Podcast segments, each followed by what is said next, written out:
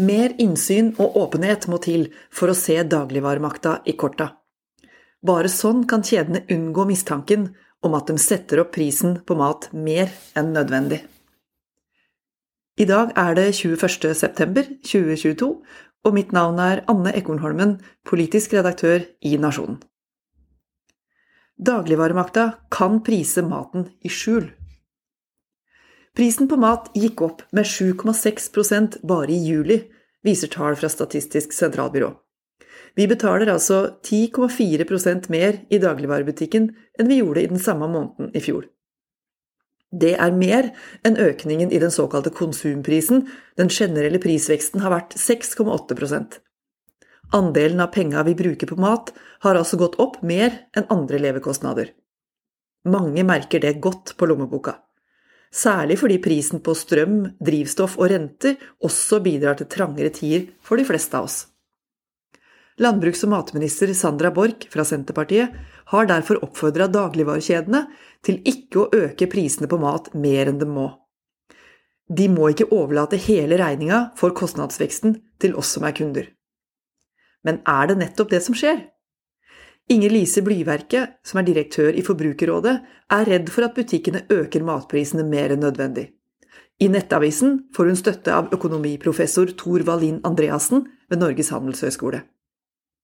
Under Mat- og markedkonferansen i Oslo nylig så var Blyverket tydelig på at dagligvarehandelen preges av for lite konkurranse.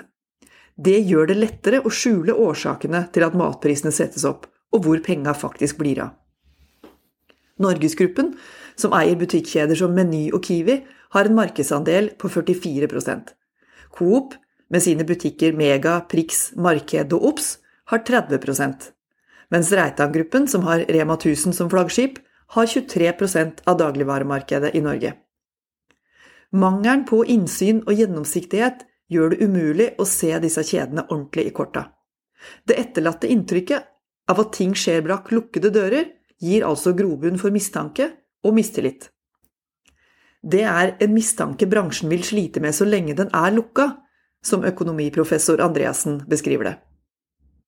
Jo da, det skal være lov å beskytte bedriftsøkonomisk sensitiv informasjon. Men i ly av disse forretningshemmelighetene kan mangelen på konkurranse i dagligvaremarkedet føre til at bransjen øker prisene, mens de forklarer at det er helt nødvendig pga. økte råvarepriser. Samtidig skyves da skylda for prisoppgang veldig ofte over på det første leddet i kjeden – matprodusenten, bonden. Eller på mellomledda – leverandører og grossister. Grossistene er det leddet i verdikjeden som har sluppet billigst unna både søkelys og kritikk i prisdebatten rundt mat og drikke. Det skriver Frode Christensen, leder av salgslaget Organisasjonen for mat- og drikkeprodusenter, på Facebook. Mange av grossistene er også kjedenes egne, og denne såkalte vertikale integreringa, der én kjede sitter med bukta og begge ender, det er en ytterligere brems for innsyn og kontroll med pengestrømmene. Nå er det selvfølgelig sånn at alle deler av verdikjeden opplever økte kostnader. Prisene på strøm, drivstoff og andre innsatsfaktorer har gått opp for både produsent, foredler og forhandler. Men det er ingen grunn til å tro at kjedene har slutta å drive butikk og begynt med veldedighet, sa Blyverket under Mat- og markedkonferansen. Det er vanskelig å vite om marginene økes litt ekstra på hvert produkt eller i hvert ledd, sånn at prisen ut til kunden ender med å øke mer enn nødvendig. Forbrukerrådet sier at de følger nøye med. I Danmark har næringsministeren bedt Konkurranse- og forbrukertilsynet om å føre skjerpa tilsyn med eventuelle urimeligheter i priser på mat. Det bør Konkurransetilsynet også gjøre her hjemme. Politikere må ruste tilsynet for å se bransjen enda nærmere i korta.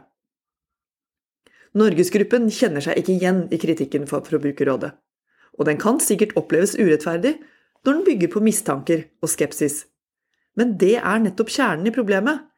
Mangelen på åpenhet og mulighet for innsyn gjør at myndighetene, og for vi forbrukerne, må stole på det vi ser og hører, inkludert altså tallenes tale konserneiere som er blant landets aller rikeste menn, penger tjent på å selge dagligvarer i stort volum. Og bønder som sitter igjen med små prosenter, uansett hvor høy matprisen er. Matprodusentene anklages for å øke prisen på råvarene, mens det altså kan være, og svært ofte er, et av de mange andre ledda på veien fram til forbruker som benytter sjansen til å legge på prisen bare ørlite grann underveis. Statsråd Sandra Borch har oppfordret alle aktørene til å bidra med å holde prisveksten nede og ta sitt ansvar for den totale prisen på mat ut til forbrukeren. Men det trengs hardere lut enn en velmenende anmodning fra Sandra Borch om moderasjon og samfunnsånd. Alle fordyrende ledd i verdikjeden må kunne kontrolleres mer kritisk, oftere og inngående. Og kjedene sjøl burde se seg tjent med mer åpenhet framfor å forbli under et mistankens lys.